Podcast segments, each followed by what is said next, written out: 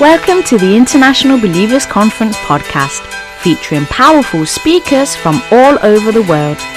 The International Believers Conference is designed to bring together people from all backgrounds, nationalities, and all walks of life, reminding us of our divine purpose in Europe. The International Believers Conference is an empowering conference for believers to come and be filled with the fullness of God in our personal lives in order to go out and influence the different spheres of society. We hope it will encourage you in your relationship with Jesus and empower you in your everyday life.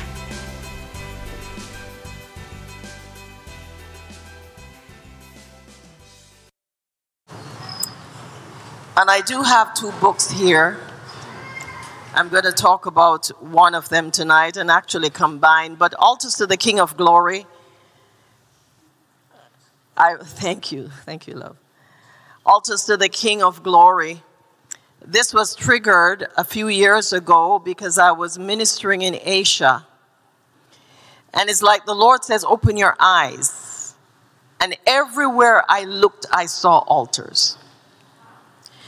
And then we were walking on a street, and there were witchcraft people and occult people. They have different religious names and people were lined up to see them. And I begin to say, why is this place so full of altars? What is it about altars? And as I began to study, I realized that the occult world understand about the principle of altar more than Christians. We know how to pray, and we pray to pray, and we pray to pray. But when the witch doctor go before his demon and he offers a sacrifice, and when he connect with that spirit, he doesn't leave the same way. He leaves with the ability to do miracles. He leaves with the ability to put curses, to do all kind of things. And people know that these people are so powerful that they literally pay them. Politician will pay these people to get in power. So I begin to say, God, what is the difference with our prayer? We have a praying church. And then God began to show that yes, we can have prayer meetings, but there's a difference when you establish an altar. And as I begin to study, I write about 10 different kinds of altars. There are altars that you can establish to stop cancer. There's altars that can reverse the curse of poverty. There's altar that can break the power of witchcraft power. And I begin to understand what is. And you know, one of my pastors, she has uh, her, her father's mother is Hindu. And they live in a village where the mother paid somebody so that she would be the richest person in that village. And so anybody that tried to get rich would automatically get sick. Some would die. And so she was in connection with a man in that village that gave her power for money. And so two years ago, this a large family. I think they have about 10 siblings. And all the uncles are the leaders of the family. And this pastor, she's our youth pastor, she's the least of the family. And five of those uncles were sick during the Christmas time, and they were in the same hospital and they were about to die. And so the eldest uncle called Pastor Sadine and said, Something is wrong. Five of my brothers are in hospital to die. Something is wrong. We need to pray to Jesus. She was so excited. So she called me and she said, Mom, guess what? That, you know, they're thinking now that only Jesus can help them. The Hindu gods won't be able to help them. And she began to say, What can I do? What can I do? And so she took this book and they had a family reunion in, in Florida. And their family is so large, about 70 people gathered. And she decided, I'm going to take this book and I'm going to reverse the curse and I'm going to expose the enemy and we're going to build an altar to Jesus Christ and we're going to stop this curse. And she gathered, and there's a uh, there's a there's a chapter here that talks about reversing curse and stopping generational curses. And so she read it. She just read it to them, and God came the men started to cry. They would walk up to their wives and says, I committed adultery. Cousins weren't talking to each other because they don't know why. Their mother said they mustn't talk to her sister and all kind of stuff was happening in the family and it's just dysfunction after dysfunction and people begin to weep. And then Pastor Sudin built an altar to Jesus Christ, reversed the curse, and all five brothers are now alive because the curse was broken. So we're going to talk about an altar tonight so that we can, we, the whole thing is awaken our glory. The whole thing is about moving in another realm of glory. And so the next book is called Awaken the Glory Within. And this is the whole theme because what happens is that every human being has natural glory. Every human being is made in the image of God, made in the likeness of God. And when you operate with natural glory, you're naturally creative. You are naturally artsy. You are innovative. There is natural glory that you have to nurture. That's why we go to school. But then you have the people like the Bill Gates and the Steve Jobs and these people who are not Christians, but they're naturally gifted.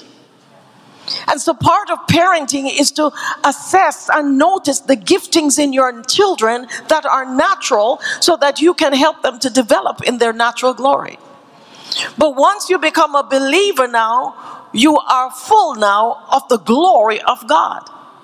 And so you can now operate in double glory. And I believe that this next move of God is going to be ordinary people like you and I that is operating in a double glory. And knees shall bow and tongue shall confess that Jesus Christ is Lord because you are powerful every believer has the powerful glory of Christ. And so this talk about our natural glory and it talks about the spiritual glory and how to operate in double glory. But in the next side, we're going to be talking about manifesting the glory of Christ. And the next slide, Colossians 1:27 says, To them God has chosen to make known among the Gentiles. And Pastor Grace talked about the Gentile era. We are now in the Gentile era, and there is a glorious mystery. And it's no longer a mystery, it's Christ in you, the hope of glory. And so believers now are going to be awakened to come into the consciousness of how powerful you are that when you walk into a room, God came. In other words, you have the ability to act like Christ. You have the ability to heal. You have the ability to do miracles because you are carrying Him. Christ in you, the hope of glory. And so in the upper room, they experience Shekinah glory. And we know that Hebrew word, it means God is with us. The word Shekinah is not even in the Bible, but it was a good word to describe this great God of Israel was with his people. The cloud by day, the fire by night. And in the upper room, God came and he came as tongues of fire and he came as violent wind and he was with the people and it was noisy. But after a while it became silent because the shekinah glory slipped inside the disciples. God was not only with them now god was in them and this is what God is awakening in His church because people, they say there are about 2 billion Christians alive and there are 7 billion, there are 5 billion people that are not Christians. And they say 1 billion of the Christians are, they're not sure if they're born again. So people of God, there's no way God is going to sit back and let 5 billion people go to hell. He wants His harvest. And he's sending you and I with a message. Go tell Pharaoh, let my people go to worship me. And we are going to be the voice of God on earth. Because I believe the answer to Sweden is you. The church is the answer to the crisis of our world. No matter what president comes in, no matter what prime minister comes in, or no matter what king comes in, the answer is Jesus Christ. And that is the name that will make every knee bow and every tongue confess that he is Lord. And so in Second Corinthians 4 4, It says the God of this age has blinded the minds of unbelievers. And unbelievers is not just non Christians, because you can be a Christian and unbelieve. So that they cannot see the light, the revelation of the gospel of the glory of Christ. We go to church and we sing the songs, but we don't have the light, the revelation of this great gospel of the glory of Christ because it has an address. The glory of Christ is in you. You are the carrier of this great glory. Therefore, when you come into a situation, all things are possible. The disciples understood this and they were so struck by this revelation that when they left that upper room, even though before they were fearful, before they were failures, before they did some stuff, when they came out of the upper room, they became wise. And I want you to understand the manifested glory. Because Jesus says you will receive power when the Holy Spirit comes upon you and you will be a witness. A witness is somebody who is evidence of another. So we, the church, has been taught to tarry for tongues. And we go to the altar and we want tongues. What do you want? We want to speak in tongues. We want to speak in tongues. And so many tongue talkers don't have power they don't manifest the power.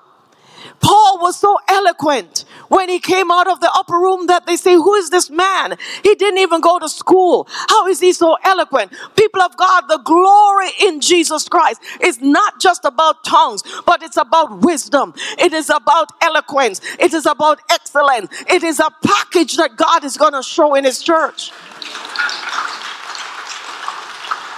And I believe that this is what God is doing now. He's bringing to revelation this gospel of the glory of Christ because revelation plus awakening and activation will result in transformation. We're all praying about transformation, but how does it happen? How does transformation happen? So in Luke 21 27, Jesus described his glory. He says, when you see the world like this, is in terrorism, it's in fear. People are losing their mind. People are acting insane. People are scared to take a plane. People are scared to walk the streets. When you see that's happening at that time, which is this time, the Son of Man is coming in a cloud with power and great glory. So he describes his glory with two words, power and great. Those words are the Hebrew words Chayil. And so Jesus told me, the Lord told me to study the word Chayil. And I first, I thought at first it meant wealth, only wealth. Because this harvest of God is going to be a harvest of souls. I believe one billion souls is going to come into the kingdom in suddenly. It's a suddenly that's going to happen. It's going to be a harvest of land transfer. And it's going to be a harvest of wealth. And this is why people of God has got to prepare the church to understand the harvest because Moses says, No, Pharaoh, not one hoof will be left behind. And God made slaves rich in one day. Why? Because Israel had to be a strong nation. People of God, the church has got to be a strong church. It's some embarrassment sometimes and so God says He's coming in this powerful, great glory, and this glory is going to have an address. It's going to be living in every believer. And so the Shekinah glory is the God glory with us, and the Chayil glory is God's glory in us. And so I begin to study the word Chayil. And when I look at it, it means God fearing. It means excellent. It means humble. It is such a package because this glory is not going to be a flakiness.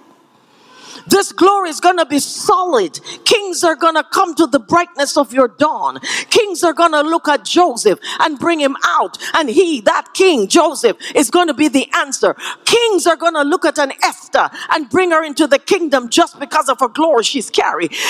This glory is so powerful that it can take a, a, a prostitute like Rahab and cleanse her and make her a woman married by a Jew. And out of that messiness come Jesus Christ, pure blood. Chayil glory is the powerful, great glory. It is strategic. It means tactical. It means powerful. It means strong. It means creative. It means artsy. And what is powerful about the word Chayil? It is also a word that is Arabic. And so the Arabic people love this word because this is what they want to be. This is what they want the wife to be. Proverbs 31 talks about the Chayil woman. And that word means virtuous because it has to do with being honorable. It has to do with your character. It's not just the charisma, but the character. When you have charisma without character, you have cancer of the soul. And Samson had a problem. He had the power, but he had no character. And because of that, he was blinded. So this move of God is going to come with repentance. It's going to come with holiness. It's going to come with miracle. It's going to come with transfer of wealth. It's going to come with transfer of land. And every knee shall bow and every tongue is going to confess that Jesus Christ is Lord. And so in Psalm 68 verse 22, David cried. And we heard tonight of when he went through such a time in his life and he cried out, Summon your power, oh God. Show us your strength, oh God, as you have done before. We don't want to die like this. He cried out, Awake my glory. And at that time, he was living in a cave after he was anointed to be king. And David looked at himself and says, What is your glory? My potential. Your glory is your potential. Your glory is your prophetic destiny. And you've got to know when one and one doesn't make two. There's no way God has anointed me king and I'm living in a cave. And he began to cry out, Awake my glory. Awake my potential. Awake my open doors. Awake my divine connections. Awake the mentorship that I need. Awake the team that I need. I cannot be a king by myself. And he picked up the lute and the harp and he began to praise and he began to worship. And all of a sudden, God triggered his glory. He did that at an altar. He understood the, the power of intercession. And so we're going to do a case study of a man called Jacob. Jacob stole his brother's birthright, Genesis 32. He stole his brother's blessing. His mother coached him how to lie. His mother coached him how to steal. His mother coached him how to even deceive his own father. And the, the whole seed and harvest was happening to him. What you sow, you reap. And that's why you have to be careful how you rise to the top. You have to be careful of a competitive spirit that can become dangerous to your soul. And so now David, Jacob had to be running for his life because his mother says, Your brother is going to kill him. And Jacob was going through a situation where even when he get blessing, he get blessing with curse. I mean, the Jacob fell in love and he saw this girl and he says, I want to marry this girl. And he went to his uncle and said, I want to marry your daughter. And in his uncle, he met himself. He met a liar. He met a con artist. And so now it was sowing and reaping time. And so the uncle says, Yes, you can marry my daughter. You can marry Rachel. What, what do you want? What, what, what, what, what, what do you want to do? He says, I'll do seven years. And Jacob married this woman. And she walked down the aisle and the veil was over her face. And I don't know what happened that night in the wedding, but Jacob was so drunk that he slept with another woman and thought it was Rachel. Jacob woke up in the morning and when he looked at her face, he screamed, What is this? Run to the father. You tricked me. You what? You tricked me. You what? You tricked me. And what is your name? Trickster. And so he says, Well, what, what do you want me to do? He says, Work seven more years. People of God, even in his marriage, it was torment. And then after working for seven, 15 years with the man, he says, okay, I need to go home now. And you think the man would allow him to leave. But this man was corrupted inside out. He wanted to kill Jacob. And God says, you know what? Don't even call his name. People of God, purpose will give you such a divine protection. Go warn your enemy. Don't call his name. I will kill you. You're going to kill Jacob. Don't even call his name. And so Laban found out and realized that don't fool with this man because this is a man of purpose. And you cannot stop a man of purpose. God will fight for a man of purpose. And so Jacob, now all of a sudden the brothers came against him and the family came against him and God dreamt him and gave him a revelation. People of God, when you understand altar, that's where you get your business strategy. That's where you get strategy for your next level. That's where you call those things that aren't as though they were. That's where you operate with a glory that move the impossible to possibility. And so Jacob wrestled at the altar and said, God, I can't leave like this. I have family. And God gave him a solution and a revelation of how to turn brown animals into spotted calves. He was the first scientific in, in engineering. He understands DNA engineering Oh all by God and he never go to the MBA school or the MSc school or MIT school. God is going to come upon you, people of God. You need to understand this glory. This glory has nothing to do with just your natural glory. This was supernatural glory. And he dreamed because now Laban is going to give him all the spotted calves because that didn't value much money. But God says, never mind. I will give you the strategy and I am God and I am with you. And by the time you're finished, you will have more spotted lambs than them. But everything he did, there was a blessing with a curse. And it's almost like he's taking one step forward and two step back. And so now he finds himself again that Laban still want to kill him. So he decides to go home. So he pack up everything and he has a gift for his brother and he's going to go home. And on his way, somebody tell him Esau heard you're coming and he's going to kill you. And the Bible says he decided this was enough. The Bible says that night, and we heard about God having seasons and you choosing your season. The Bible says that night Jacob got up with his two wives, his two maidservants, his 11 sons, crossed the ford of Jabbok. And after he sent them across the stream, he sent over all his possession. He sent over everything. That night, Jacob decided it's a defining moment. I will not die like this. Have got to stop this cursed thing that is in my life.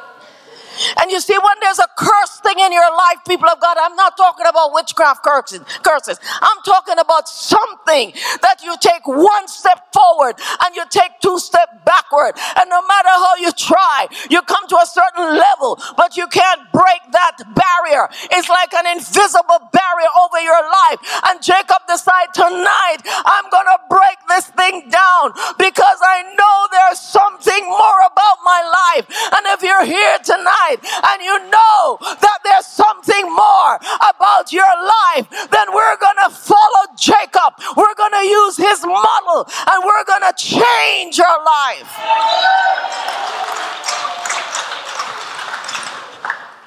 The Bible says Jacob was left alone and a man wrestled with him till daybreak. He was so wise because people of God, part of the glory is wisdom.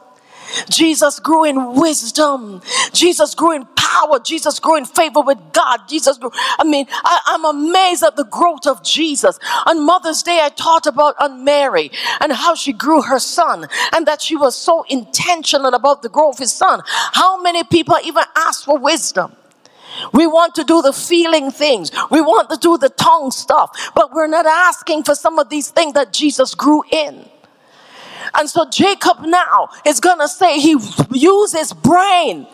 I was sharing that, you know, when I, I, in, in our Toronto, where I come from, I went to the mall and I say all the kids, that the young people in the mall, and my heart broke because they should be in school.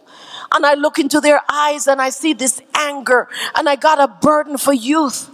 And I beg God, God, send me all the kids that are suffering. Give me all the kids that are bad kids. You even use the word bad kids.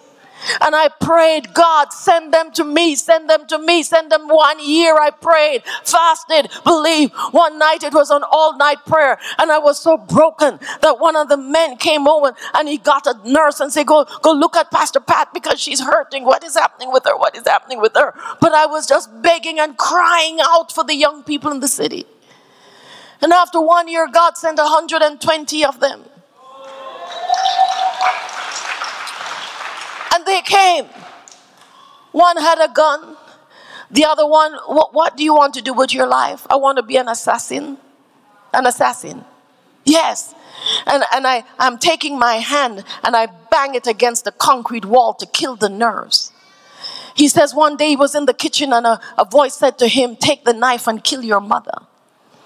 And God protected her. And that boy is in my class and on and on and on, every one of them. And I say, But God Almighty, what is this?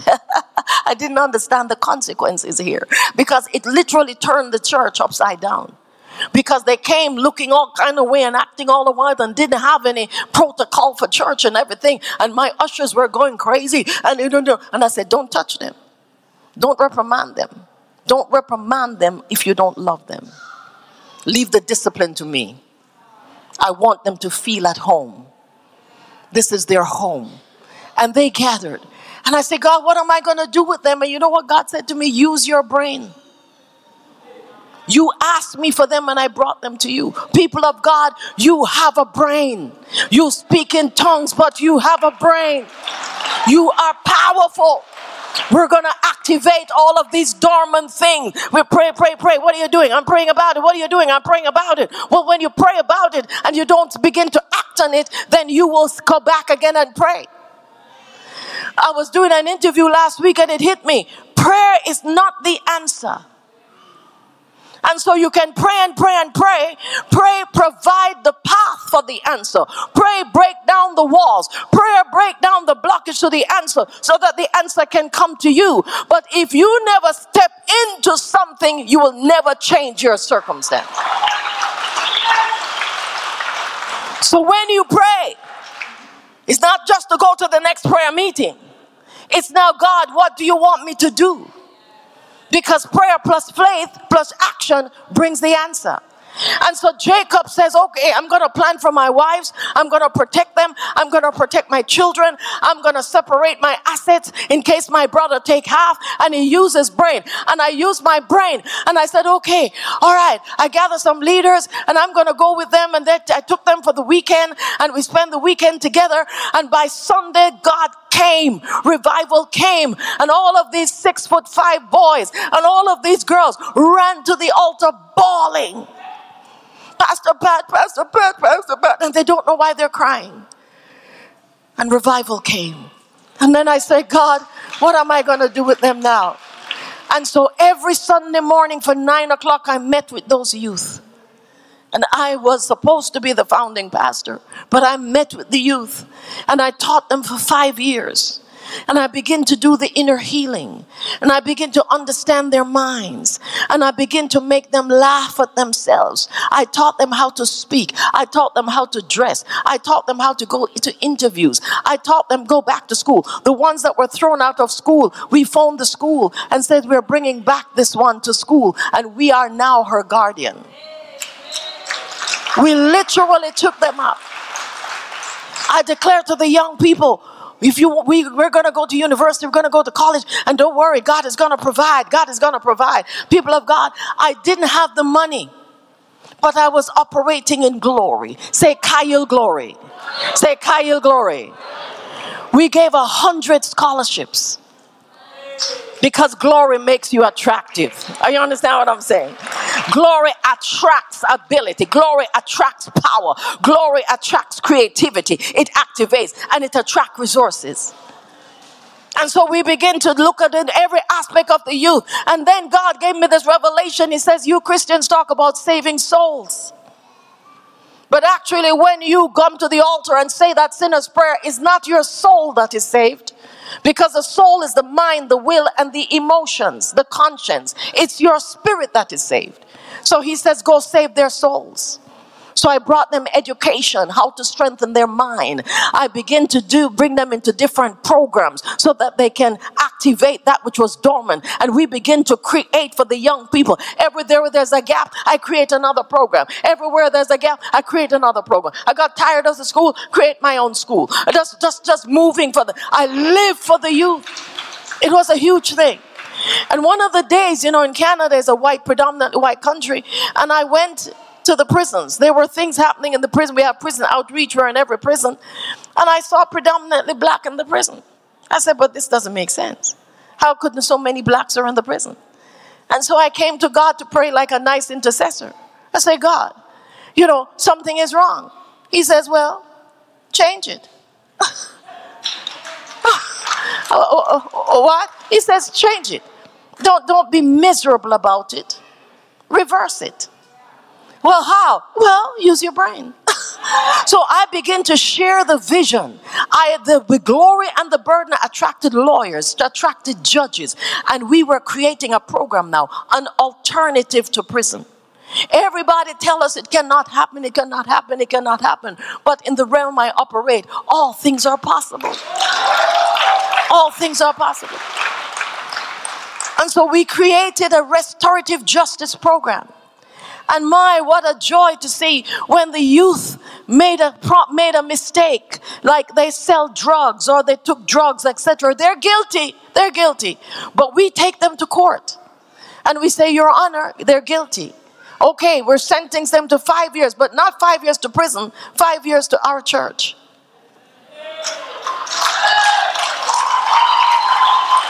And so our church, we became the alternative to prison because Jesus is the answer. I, I, I, prison is not very effective. I remember when I had a cell group and there was a man that came into my cell group because he said, Which cell group should I go? And they say, Go to Pat Francis. And that was before I was a pastor. He came with his hair long and, you know, a, the white man is long. You couldn't see the face because of all the hair. And he came in my cell group and we began to talk and share and discover and validate and celebrate their gifts, etc. And one day he shaved his face and I said, Wow, you're white. Uh, you're handsome and then found out that he had sold cocaine to a cop and that there was a, a, warrant for his arrest. And so they caught him now and he was going to court.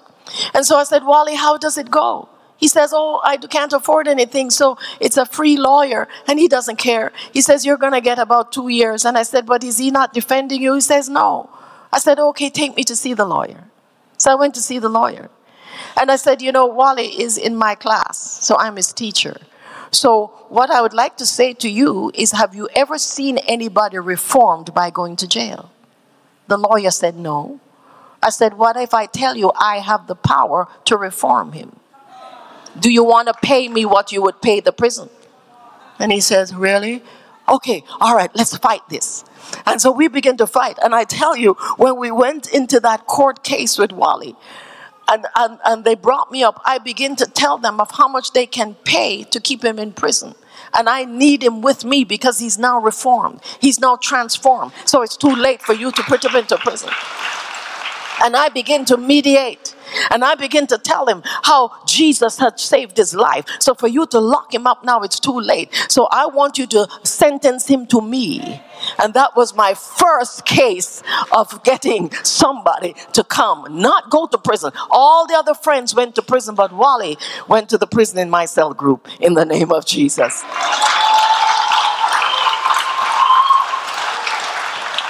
For with God all things are possible. People of God, this is the revival. Oh, lift up your hands and say revival. Say revival. Say revival. This is the revival, people. This is the revival. We're going to change. We're going to transform lives. We're going to transform laws. We're going to create. Come on, touch your belly and say, Awake my glory.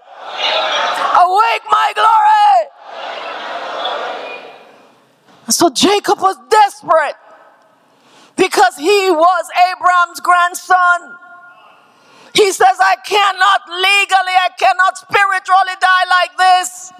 There, I don't know what it is about my life, but I know there's something about my life. And he began to pray and he began to wrestle all night. And he prayed, God, I cannot die like this. I am Abraham's grandson. My father is Isaac. What is this? What is this? And in verse 25, it says, When the man saw he could not overpower him, he touched the socket of Jacob's hip so that his hip was wrenched as he wrestled with the man. And then the man says, Let me go, it is day, daybreak. And Jacob replied, I will not let you go until you bless me. This is my night. I'm not leaving here the same. You understand what I'm saying? Who are you if you're an angel or if you're God? I am saying I am not letting you go until you bless me. I don't want to leave this place a condemned man. I don't want to leave this place. My family's a mess. Everything is against me. I'm financial. I am great. And now this, this, all this thing is happening. And at one time I had no money. I mean, I mean, from one thing after the other. God, let me know I will not let you go until you bless me. Bless means reverse the cursed thing that is operating in his life. You understand what I'm saying? I'm not talking about witchcraft curse. Understand, people of God, if you're a child of God, witchcraft curse doesn't work on you. You know that, right? hey, hey, I have to tell you that. Because you know if somebody try to put witchcraft curse on you, you know with the glory in your belly, it's a boomerang anointing it come and bounce back. You know, you know that, eh? Come on, somebody say Chayil glory. Say Chayil glory. You have to warn your enemies. And so Jacob is there interceding because there is one, something is wrong, God.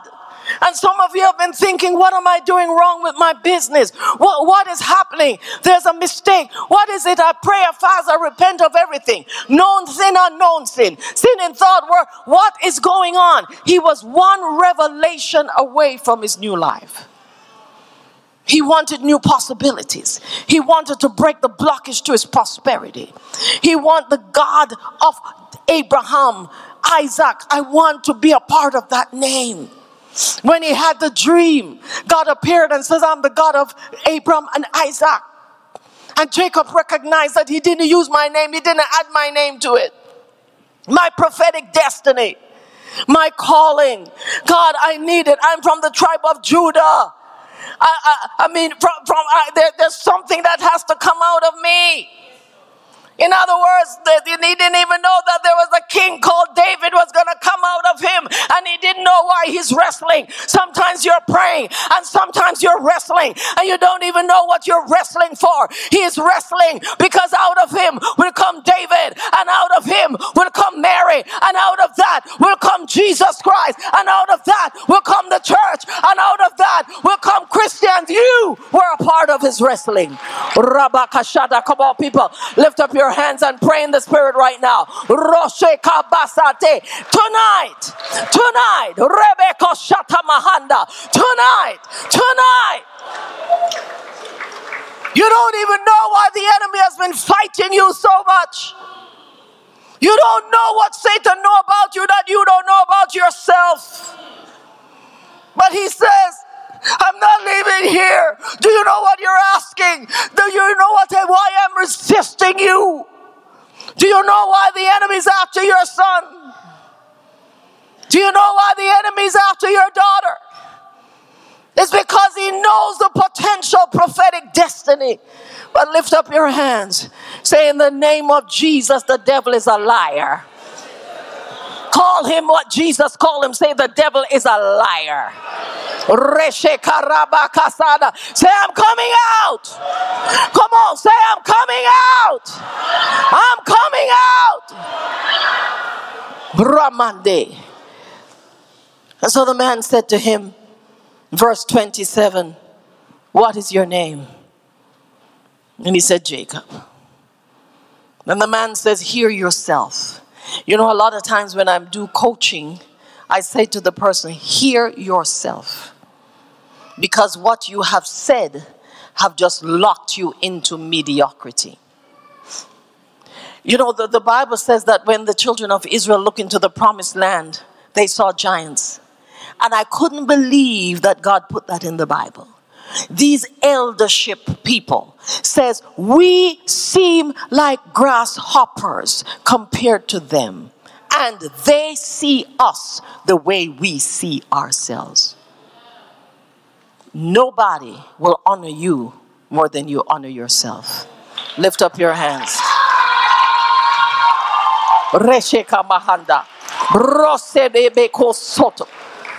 Come on, lift up, your pray in the spirit right now. Hey, if you see yourself weak, hey, hello, you call it, you call it. Rabakasa. You see yourself poor for life? Okay, then, you go there, you go there, you call it. Remesha. A lot of times people will go to a doctor and the doctor could just say, there's a lump, and that's it. They call it cancer. The doctor didn't say you have cancer. But the fear come upon you. By the time you know it, you begin to feel pain. You begin to feel all kind of thing. And Satan, like a vulture, is watching over you to see what you have received. People of God, when you go to a restaurant, if you order steak and they bring fish, what do you do? You said, I send it back. Sorry, I didn't order fish, I ordered steak. Are you hearing what I'm saying? Anybody get it? Anybody get it?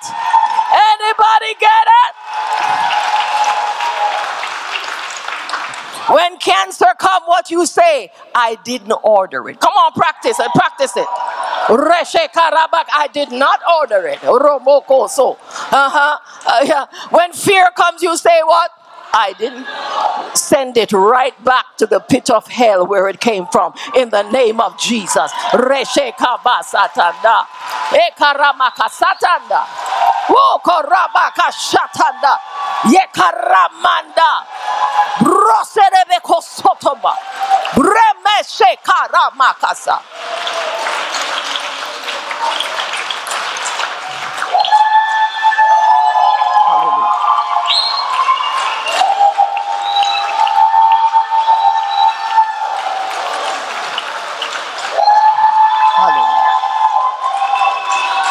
Hallelujah.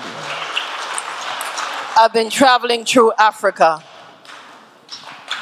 I went on missions a lot to Africa and Asia. I slept in the slums. But I tell you, poverty is a stubborn demon.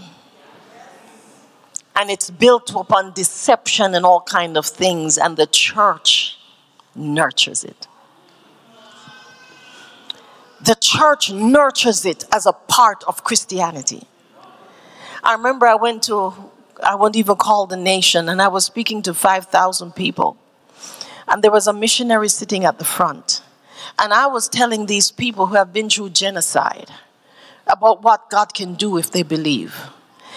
And I used the wrong word, prosperity. God wants to prosper you. It sets him off. How dare you come here and tell these people about prosperity? So, as a missionary, when you see these people, you don't see them equal to you, do you? You don't want them to rise up to your level. You want to keep them back. And so I thought, I, I, can't, I can't believe that, you know. And so, and so when the, what happened is that he was so angry with what I shared he ended up having a heart attack and went to the hospital. The next day, he found it. And then he came back two days later, after speaking three days, he understood what I was trying to say. And he said, I apologize. I didn't understand. He says, I ended up in the hospital. And I said, You do realize that your daddy is Jesus. And somebody lied to these people that Jesus was poor. What a life from the pit of hell. The Bible says Jesus became poor. That means he wasn't always poor. Now, everybody get that one? Say to the ask the person beside if they get it. Explain it, because we don't want them to miss it. You, you understand that? Uh, are we getting it? Are we getting it? So he became poor And there was a reason that he became poor so that you can become rich. And so when we look at the dynamics of what has kept us in bondage for so long, is because when you say things like that, you don't understand that Jesus is God. He's not just a man. So, where he came from, people of God, do you want me to describe his home in heaven? Do you want me to tell you what kind of streets you're going to drive on? Do you want me to tell you that when you go to heaven, you're not going to push a wooden door, you're going to push a door made of pearl? That your mansion is going to have diamonds and jasper. In other words, church people, if we have a problem with wealth, we better get over it because we'd have to go to a middle place before we get to heaven. Because when you get to heaven, you will not understand the opulence. You will not understand the wealth. You will feel out of place. If you're not careful, you will want to take on God and say, Why this waste? That's what Judas said to Jesus. Why this waste? A woman took her expensive oil and washed the feet of God. And Judas, the treasurer, said, Why this waste? And Jesus said, Leave the woman alone, for somebody recognize who I am and is worshiping me with their best. I am God, and I deserve your best. What kind of disciple are you? In other words, if Jesus is God, he rule, he owns the world. If Jesus is God, He owns all the gold in Africa. He owns all the diamonds. He owns everything. He left heaven and came to walk on dirt earth. Dirt earth is like the ghetto compared to heaven. So He became poorer. Something, well, well, He never owned a house. For God's sake, He owned the earth. Hello and you want him to have two acres of land with his name on it. The whole planet have the name of Jesus Christ.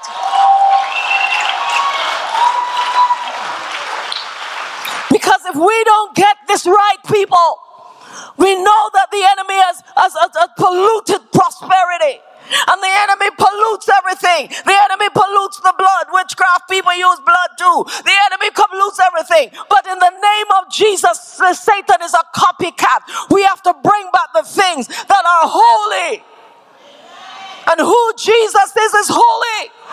And you cannot sing Waymaker if your God is poor. Jesus Christ owns it all. He is rich. Your daddy is rich. Your daddy owns the world. And he will give you anything that you need.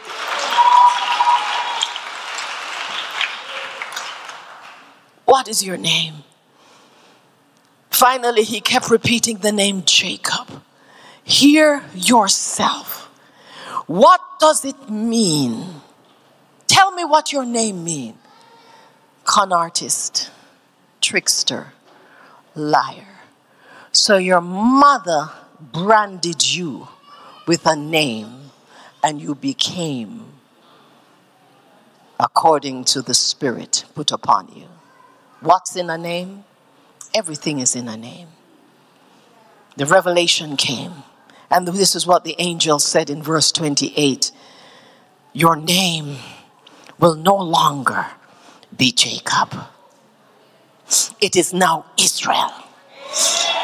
It means Prince of God. It means you have struggled and overcome. You have struggled with God. You have struggled with men and you overcame them because now, Jacob, in spite of what you have gone through, you still have faith that God can change you.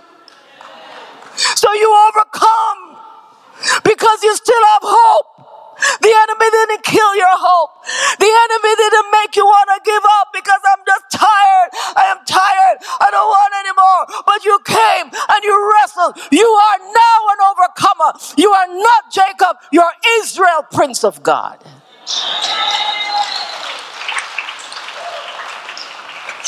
And from Israel will come the church. And from the church will come Christians. Jacob was wrestling for the church. And people, God, we're going to wrestle for our destiny in the name of Jesus in the name of Jesus, we're going to wrestle for our destiny.